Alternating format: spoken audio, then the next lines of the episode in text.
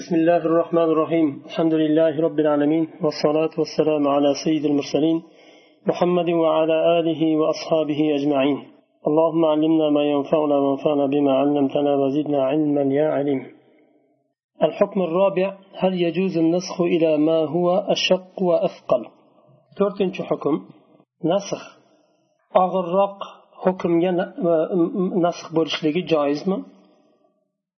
Yengil hukmni mansux bo'lib og'ir hukm o'rniga kelishi joizmi قال الإمام الفخر قال قوم لا يجوز نسخ الشيء إلى ما هو أثقل منه واحتجوا بأن قوله تعالى نأتي بخير منها أو مثلها ينافي كونه أثقل لأن الأثقل لا يكون خيرا منه ولا مثله إمام الفخر aytadilar ba'zilar yengil hukm mansux bo'lib o'rniga og'ir hukm kelishligi joiz emas deyishdi.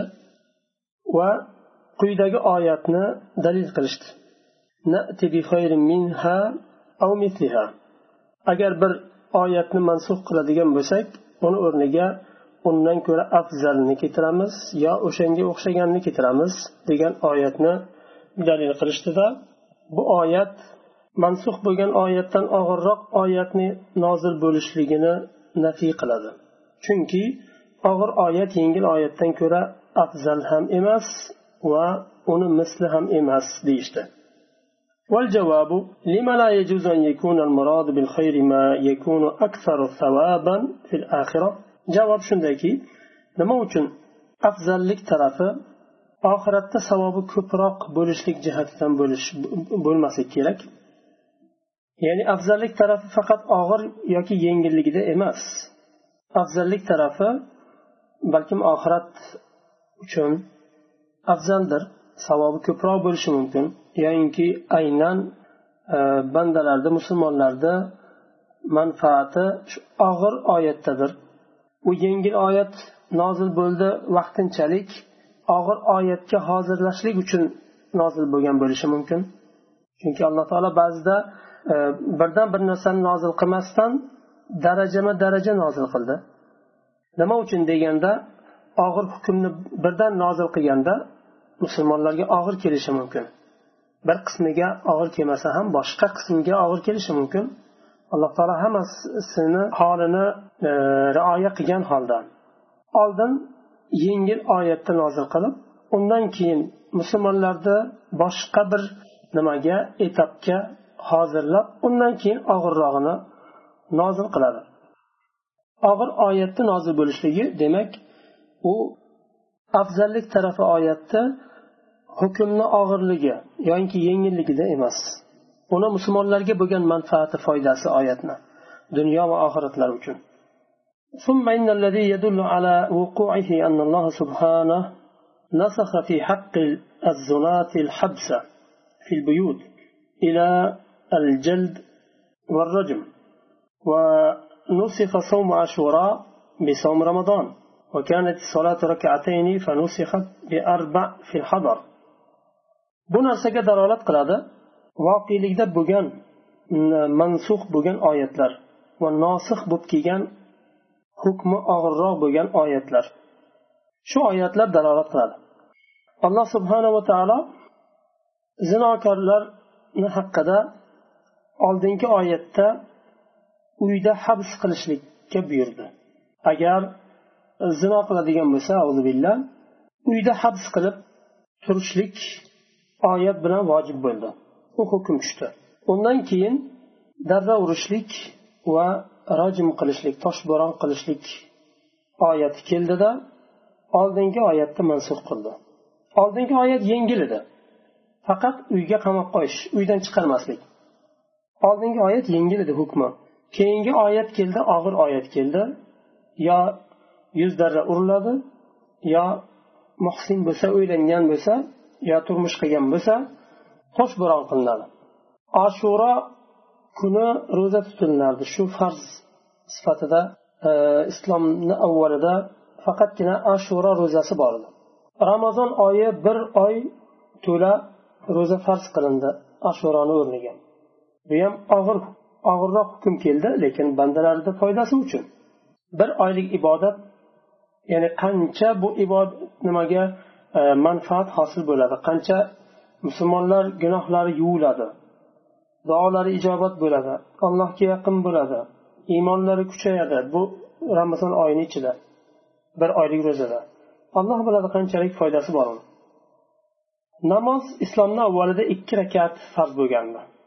hamma namozlar ikki rakatdan edi zuhur namozi asr namozi va xufton namozi bular hammasi ikki rakatdan farz bo'lgan edi keyinchalik to'rt rakat qilindi safarda ikki rakatligicha qoldi muqimlarga to'rt rakat farz bo'ldi bu ham og'irga almashtirildi إذا عرفت هذا فنقول أما نسخ الشيء إلى الأثقل فقد وقع في الأمثلة المذكورة yengil hukmni o'rniga og'ir hukm tushishligi nosih bo'lib voqilikda hosil bo'lgan holat bu yuqorida nimalarda misollarda o'tdi وأما نسخه في الأخف كنسخ العدة من حول إلى أربعة أشهر وعشرة og'ir hukmni o'rniga yengil hukm tushishligi nosih bo'lib oldin eri o'lgan ayollar bir yil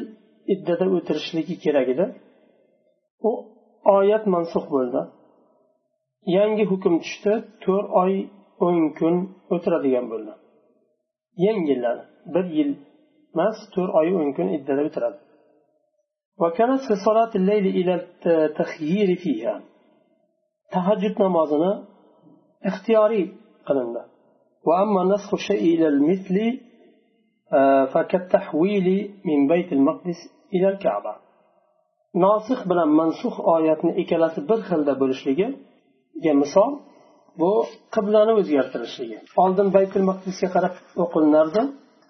Undan keyin harom masjidil haromga yuzlaringni buringlar degan oyat nozil bo'ldida oldingi hukm mansuh bo'ldi. Ikkalasi ham bir xil og'irlikda ham yengillikda ham ikkalasi bir xil. og'ir ham emas oldingi hukmdan yengil ham emas baytul maqdisga qarab o'qiydiganlar masjidil haromga burilib o'qiydigan bo'ldi xolos الحكم الخامس هل يقع النسخ في الأخبار endi beshinchi hukm nasx xabarlarda ham voqe bo'ladimi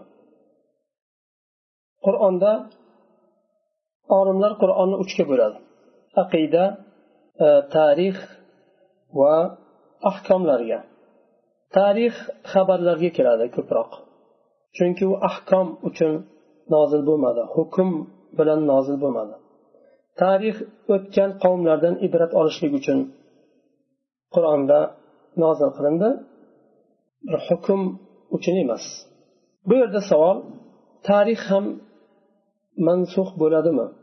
Ya'ni tarix emas xabarlar جمهور علماء على أن النسخ مختص بالأوامر والنواهي والخبر لا يدخله النسخ لاستحالة الكذب على الله تعالى جمهور عالم nazdida nasx faqatgina amrlar va nahiylar buyruq va nahiyga xos bo'lgan bir narsa bu nasx xabarlar bu nasxni ostiga kirmaydi nima uchun chunki unda xabar berilgan narsani yo'q unday emasdi bunday edi deyilmaydi. Yolg'onga o'xshab qoladi u. U narsa alloh taologa mustahil. Falonchi keldi deb keyin yo kelmadi deyishlik bo'lmaydi. Bir yil oldin hosil bo'ldi shu narsa deb keyin yo'q to'rt yil oldin deb mansuf qilinmaydi. Chunki u yolg'onga o'xshab qoladi. Hukmlar boshqa amr va nahiylar boshqa xabarlar boshqa narsa. xabar bir narsani xabarini berishlik وقيل إن الخبر لا إذا إن الخبر إذا تضمن حكما شرعيا جاز نسخه كقوله تعالى ومن ثمرات النخيل والأعناب تتخذون منه سكرا bir qavl bor u zaif qavl xabar agar o'zini ichiga shar'iy hukmni oladigan bo'lsa mansux bo'lishligi joiz degan bir qavl bor. Masalan xurma va uzumni mevalaridan minhu sakara. Ulardan ichimliklar olasizlar. Sakaron haligi mas qiluvchi ichimlik tushuniladi. Buni nima kelib e, nasx qil mansuf qildi degan mazmunda gapiryapti. Xamirni nasx qilgan mansuf qilgan oyat. Lekin bu qovul bir zaif qovul dedik قال ابن جرير الطبري يعني جل ثناؤه بقوله ما ننسخ من آية أو ننسها. أي ما ننقل من حكم من حكم آية إلى غيره فنبدله ونغيره. وذلك أن يحول الحلال حراما والحرام حلالا والمباح محظورا. والمحظور مباحا ولا يكون ذلك إلا في الأمر والنهي والحظر والإطلاق والمنع والإباحة. فأما الأخبار فلا يكون فيها ناسخ ولا منسوخ. ابن جرير الطبري رحمه الله تعالى الله تعالى بالآياتنا نسخ قلسك yoyinki uni unuttirsak yo nasx qilmasdan qoldirsak degan oyatni ma'nosini ما ننقل من حكم من حكم آية إلى غيره bir oyatni hukmini ikkinchi oyatni hukmiga o'zgartirmaymiz va uni almashtirmaymiz boshqa hukm bilan deyildi magar agar almashtirsak undan afzalni yo o'shanga o'xshaganni keltiramiz deyildi bu bu degani nima degani Halolni harom qiladi alloh taolo.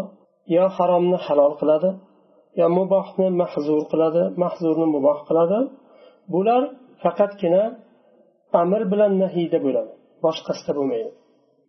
Amr bilan nahiyda bo'ladi. Hazar itloq bular haligi hazar hazar qilingan narsa ya'ni man qilingan narsa. Itloq ya'ni hazar ham qilinmagan buyurilmagan ham nafiy ham qilinmagan. Man va iboha bular shulardagina hosil bo'ladi ammo xabarlarda nosih ham bo'lmaydi mansux ham bo'lmaydi xabar boshqa oyatni mansux qilmaydi va o'zi ham mansux bo'lmaydi وقال القرطبي والنسخ كله إنما يكون في حياة النبي صلى الله عليه وسلم وأما بعد موته واستقرار الشريعة فأجمعت الأمة أنه لا نسخ ولهذا كان الإجماع لا ينسخ ولا ينسخ به. إذ انعقاده إذ انعقاده بعد انقطاع الوحي فتأمل هذا فإنه نفيس. قلت قرطبي رحمه الله تعالى نسخ من همس رسول الله صلى الله عليه وسلم حياتلك وقت لرد بولد. أما وفات لردن كيم shariat istiqror bo'lib qaror topgandan keyin ummat ijmo qildi nasx bo'lmasligiga. Chunki nasx faqatgina alloh taolo nasx qiladi vahiy bilan nozil bo'ladi. Rasululloh sollallohu alayhi vasallamni vafotlaridan keyin vahiy to'xtadi nasx ham to'xtaydi. Shuning uchun ijmo nasx qilmaydi. Ijmo nasx qilolmaydi. Va ijmo bilan nasx qilinmaydi hech qaysi oyat. Hadis ham. Ma turshidu ilayhi ayatul kalima. Endi oyat kalima irshod qiladigan narsalar. Birinchisi nasxul ahkam jaizun bil ijma kama dalla ala zalika kitab va sunna. Birinchi biz foydani olamiz bu yerdan ibratni. Ahkomlarni nasx qilishlik ijmo bilan joizdir. Chunki yuqorida qovul o'tganda zaif qovul qur'onda nasx bo'lishligi mumkin emas deb ummatni ijmoi bilan ahkomlarni nasx bo'lishligi joiz ya'ni rasulullohni hayotlarida hayotlik vaqtlarida. Bunga qur'on va sunnat dalolat qildi. Ikkinchisi مصالح العباد ولذا وقع النسخ في بعض الأحكام ikkinchi oladigan foydamiz bu oyatdan shariat bandalarni foydalarini rioya qildi shuning uchun ahkomlarda ahkomlarning ba'zilarida nasx voqe bo'ldi nasx bo'ldi yuqorida aytgandek alloh taolo bir oyatni nasx qilarkan o'rniga boshqa oyat keltiradi.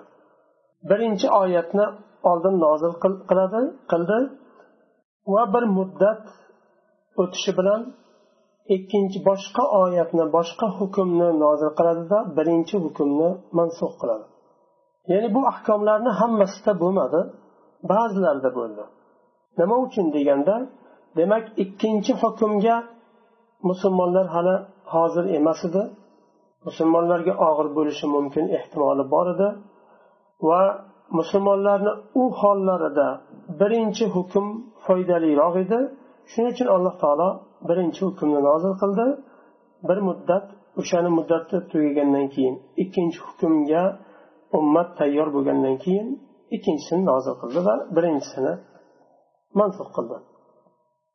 Demak bundan tushunamizki alloh taolo bandalarni musulmonlarni holini rioya qilgan foydalarini rioya qilgan uchinchi foyda oladigan foyda النسخ لا يكون في الأخبار والقصص إنما يكون في الأحكام التي فيها حلال وحرام نسخ xabarlarda va qissalarda bo'lmaydi faqatgina halol va haromni o'zini ichiga olgan ahkomlardagina nasx bo'ladi bular biz oldin bilmagan narsalar hozir mana bitta bitta bu narsalar ochilinyapti ilmni foydasi bu bu narsalarni yodlab zehnda saqlash kerak to'rtinchi oladigan foydamiz al ahkam marji'uha ilalloh taala الذي يشرع لعباده ما فيه خيرهم وسعادتهم ahkomlarni marjia ollohga bo'ladi qaytadigan yeri va chiqadigan manbasi alloh taoloni huzurida ollohdan keladi.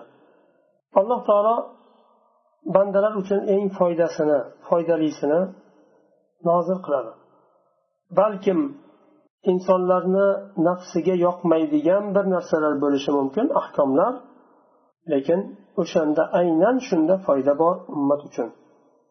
O'g'rini qo'lini kesishlik masalan yo zino qilgan turmush qilgan qilgan kishi zino qilsa toshbo'ron qilib o'ldirishlik bunda qandaydir bir shiddat bor qandaydir bir nafs qochadigan bir narsa bor lekin aynan shunda insoniyatni foydasi va saodati shunda beshinchi oladigan foydamiz allohu jalla jalaluhu malikul mulk فيجب الاستسلام لحكمه وأمره مع الاطمئنان alloh taolo mulkning molikidir.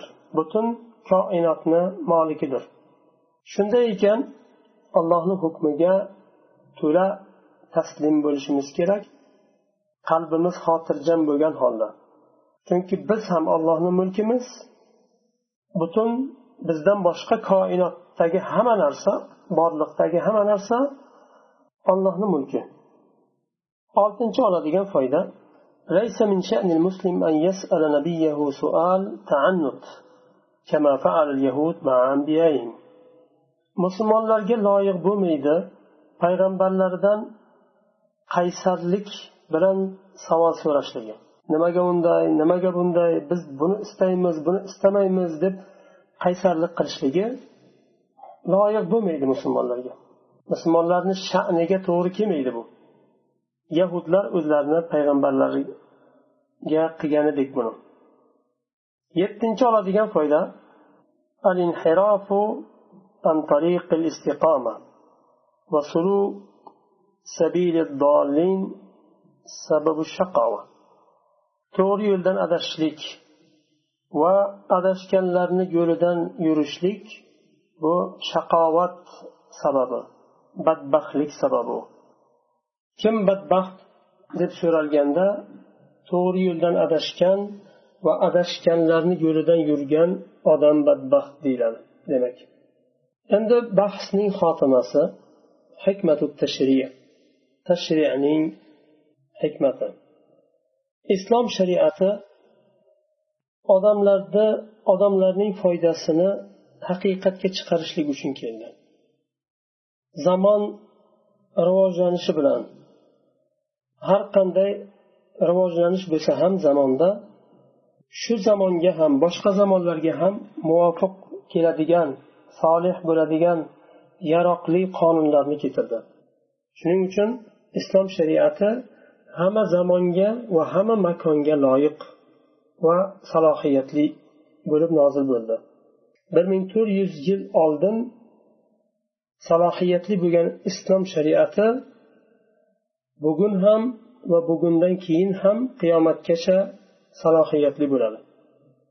Alloh taolo bandalariga rahmli bo'lgani uchun rahmati keng bo'lganligi uchun shariatni nozil qilganda ahkomlarni tadrij bilan nozil qildi.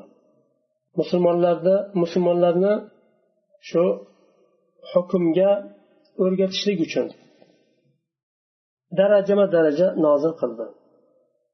Va og'ir hukmlarni birdan nozil qilmadi. Shariatni hammasini bir vaqtni o'zida nozil qilmadi sekin sekinlik bilan tadrij bilan nozil qildi nafslar malollanmasin uchun. Va odamlar mashaqqat va qattiqlik sezmasligi uchun.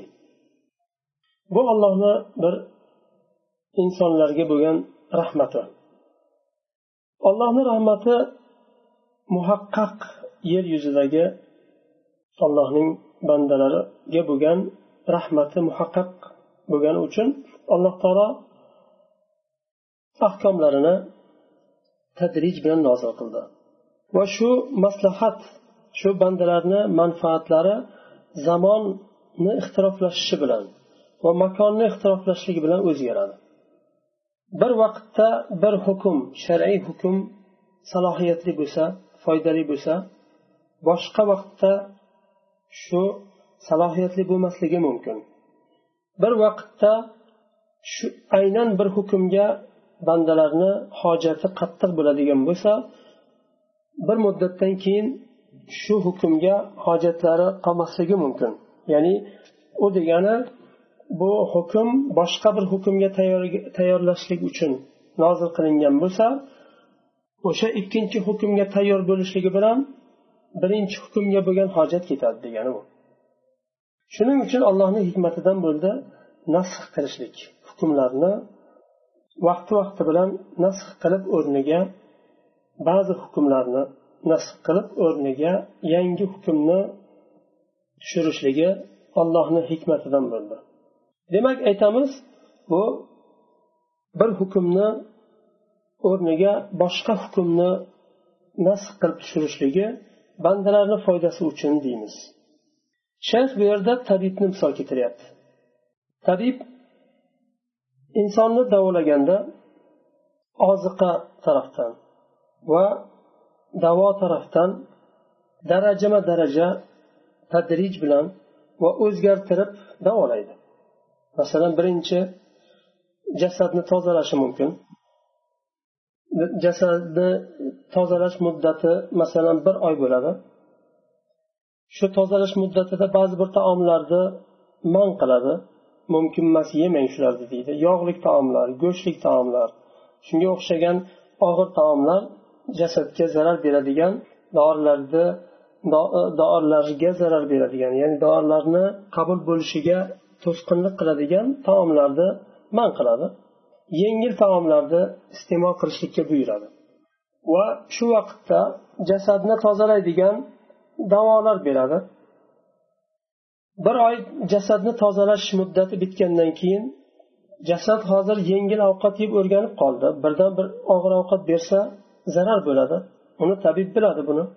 Undan keyin davoni e, boshlarkan birdan og'ir davoni bersa og'irlik qiladi jasadga. Shuning uchun birinchi odatan nimani tibbiyotda nimasi kalsiyga o'xshagan nimalarni tekshiradi suyak nimasi ko'taradimi? Ba'zi bir davolar agar kalsiy jismda kam bo'ladigan bo'lsa suyakka ta'sir qiladi yo ba'zi bir organga ta'sir qiladi. Shuning uchun birinchi kalsiyni beradi. Kalsiyni normallashtirgandan keyin undan keyin boshqasiga o'tadi. Shunday qilib davolash muddati olti oy yetti oy bir yilgacha suradi. Bu tabib o'zi biladi nima qanday qilib jismni davolashdi xuddi shunga o'xshagan bir insonni jismini darajama daraja tadrij bilan davolab borganga o'xshagan bu kishi tabibni misol keltiryapti. Alloh taolo bandalarni yaratgan ekan. Bu tabib hali bir inson. Olloh yer yuzida yaratgan bu inson jismini o'rganib chiqib o'shanga ko'ra amal qilayotgan bir inson u. alloh taolo bu koinotni yaratgan bu insonni yaratgan. Insonga nima zarar berishini yaxshi biladi.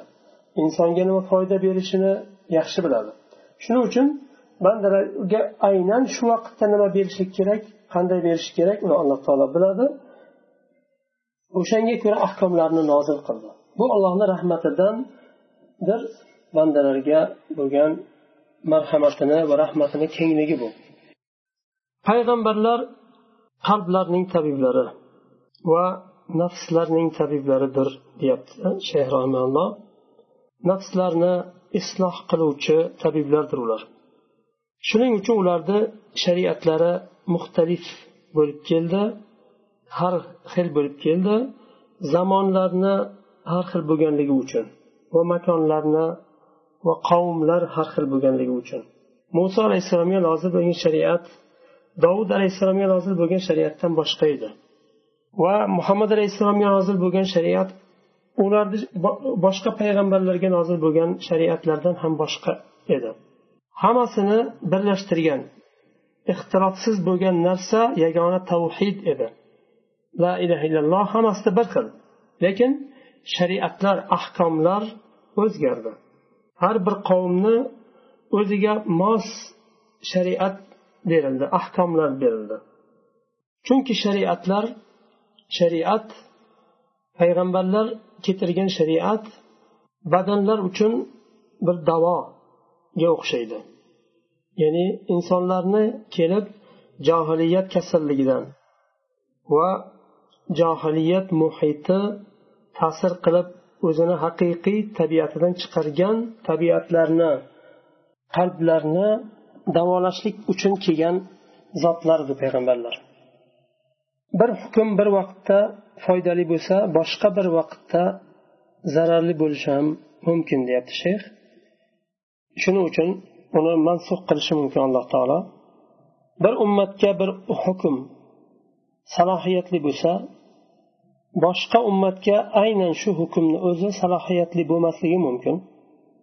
Buni alloh taolo yaxshi biladi uchun har xil qilib nozil qildi hukmlarni shariatlarni shu qavmlarni holiga rioya qilgan holda qurtubiy rahimaulloh aytadilar al jamiu al jamiu li ahkamil qur'on degan tafsirlarda aytadilar معرفة هذا الباب يعني النسخ أكيدة وفائدته عظيمة نسخ ومنسوخ بابنا بلشليك akid ya'ni kerakli zarur bo'lgan narsa. Va uni foydasi buyukdir. Buni nasx bilan mansuhni ilmini bilishlik foydalarini bilishlik sabablarini bilishlik foydasi katta. Chunki allohni bandalariga bo'lgan rahmatini rioyasini biladi inson. Buni bilishlikdan olimlar behojat bo'lmaydi. Va buni faqatgina g'abiy bo'lgan johillargina inkor qiladi nasxda لما يترتب عليه من النوازل من الأحكام ومعرفة الحلال من الحرام chunki ahkomlar nozil bo'lgan ahkomlarda bilishlik bor bunda va halol bilan haromni bilishlik bor chunki xamir harom qilindi lekin xamirni harom qilinishligidan oldin nozil bo'lgan xamir xususida oyat bor. Mast holingizda allohni e, nimasi e, yonida turmang allohni qarshisida turmang namozda turmang degan mazmunda oyat bor. Agar kishi nasx bilan mansuxni bilmasa mansux bo'lgan oyatni olib amal qilishi mumkin. Halol bilan haromni o'rtasini ajratolmasligi mumkin. Shuning uchun bu bobni bilishlikka katta ehtiyojimiz bor. Ba'zi toifalar bu nimani nasx va mansuxni inkor qildi deyapti shayx rahimaulloh va ularga qarshi biz hujjat qilamiz salaf solihni ijmoini. Salaflar ijmo qilgan mansux bo'lgan oyatlarni borligiga va nosih oyatlarni borligiga. Ali roziyallohu anhudan rivoyat qilinadi. Odamlarga va'z qilayotgan kishiga ali roziyallohu anhu aytadilar nasx va mansux oyatlarni bilasizmi deb so'raydilar u kishi yo'q deganda halakta va ahlakta nas o'ziz ham halok bo'ldingiz va odamlarni ham halok qildingiz deydilar وقال القاسمي في تفسيره محاسن التأويل قاسمي رحمه الله تعالى محاسن التأويل لين تفسير لرده إن الخالق تبارك وتعالى رب الأمة العربية في ثلاث في ثلاث وعشرين سنة تربية تدريجية لا تتم لغيرها إلا في قرون عديدة. لذلك كانت عليها الأحكام على حسب قابليتها ومتى ارتقت قابليتها بدل الله لها ذلك الحكم بغيره. وهذه سنة الخالق في الأفراد والأمم على حد سواء. الله تعالى عرب أمتنا yigirma uch yil ichida tadrijiy tarbiyaladi.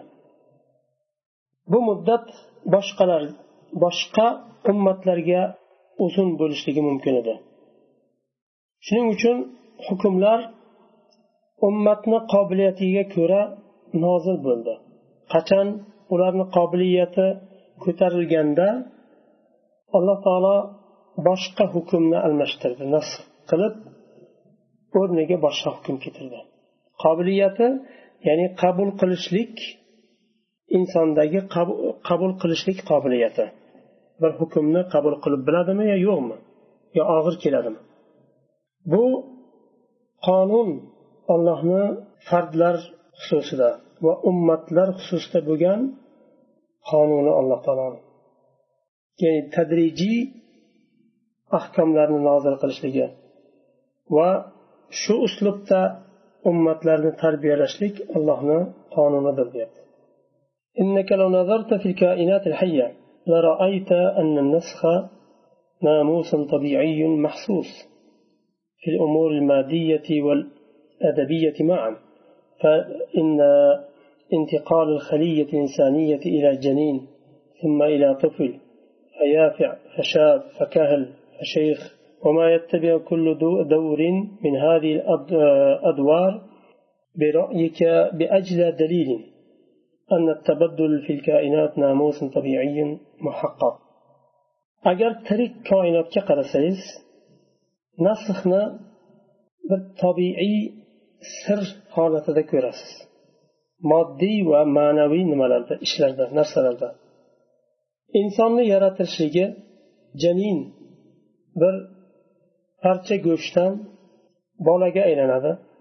Bola tug'ilgandan keyin yosh o'smir bolaga aylanadi. Undan keyin yigit undan keyin qariydi qariyaga aylanadi. Bu o'zgarish koinotdagi o'zgarish bu. Nasx degani bir narsani boshqa holatga o'zgarishi. Bu narsa juda ham katta bir dalilki bu koinotda demak mana shunday o'zgarishlik siri tabiiy bir sir bor. O'zgarishlik kerak bir xil bo'lib turib qolmaslik kerak. وإذا كان هذا النسخ ليس بمستنكر في الكائنات فكيف يستنكر نسخ حكم وإبداله بحكم آخر في الأمة وهي في حالة نمو وتدرج في من أدنى إلى أرقى أجر بو koinotda inkor qilinmaydigan bir holat bo'lsa nasx qanday bu inkor qilinadi? Hukmda. Hukmni nasx bo'lishligi. Bir hukmni mansux bo'lib o'rniga boshqa hukmni kelishligi nima uchun inkor qilinishlik kerak? Bir ummatda o'sishlik bo'lsa tadrijiy o'sishlik bo'lib turgan vaqtida o'sishiga qarab hukm o'zgarishligi aniq. demoqchi bo'lyapti bu kishi oldin hali endi o'sib boshlaganda muayyan bir hukmlar beriladi yosh bolaga birdan taklif yuklanmadi muayyan bir yoshga yetgandan keyin taklif yuklandi nima uchun chunki ko'tarolmasdi shunga o'xshagan هل يرى إنسان له مسكة من عقل أن من الحكمة تكليف العرب وهم في مبدأ أمرهم بما يلزم أن يتصفوا به وهم في نهاية الرقى الرقي الإنساني وغاية الكمال البشري ozgina bir aqli bo'lgan inson o'ylaydimi arablarni boshlanishidagi holati qanday bo'lgan zaif hech narsani tushunmagan bir johil holatda bo'lgan islom kelganda o'sha vaqtda eng yuksak holatga yetgan vaqtdagi takliflarni yuklash mumkin edimi? Mumkin emas edi. Islom kelgan vaqtda arablar hali ummiy xalq edi. O'qishni yozishni bilmagan ilmsiz xalq edi. Islomni oxirida rivojlanishlikda hamma tarafdan cho'qqisiga chiqdi ular. O'sha vaqtda cho'qqisiga chiqqan vaqtdagi nozil bo'lgan hukmlarni takliflarni ummatni avvaliga endi islom kelganda yuklansa bo'larmidi deyapti. Hech qaysi aql buni qabul qilolmaydi. وإذا كان هذا لا يقول به عاقل في الوجود فكيف يجوز على الله وهو أحكم الحاكمين أن يكلف الأمة وهي في دور طفوليتها بما لا تتحمله إلا في دور شبوبيتها وكهولتها agar buni vujudda biror bir koinotda ya'ni borliqda biror bir aqlli inson qabul qilmasa qanday alloh taologa joiz bo'ladi? Ahkamul hakimin bo'lgan alloh taologa joiz bo'ladi. Ummatni hali yosh go'dak bo'lgan ummatga go'dak derkan hali ilmda ma'rifatda rivojlanishlikda hali go'dak bo'lgan ummatga yuksalgan ummatni taklifini yuklashligi وأي الأمرين أفضل؟ قيس أفضل. إكتا إشتان ديبتن. الشرع الذي سن الله لنا حدوده بنفسه ونسخ منه ما أراد بعلمه فأتمه بحيث لا يستطيع الإنس والجن أن ينقصوا حرفا منه لانطباقه على كل زمان ومكان.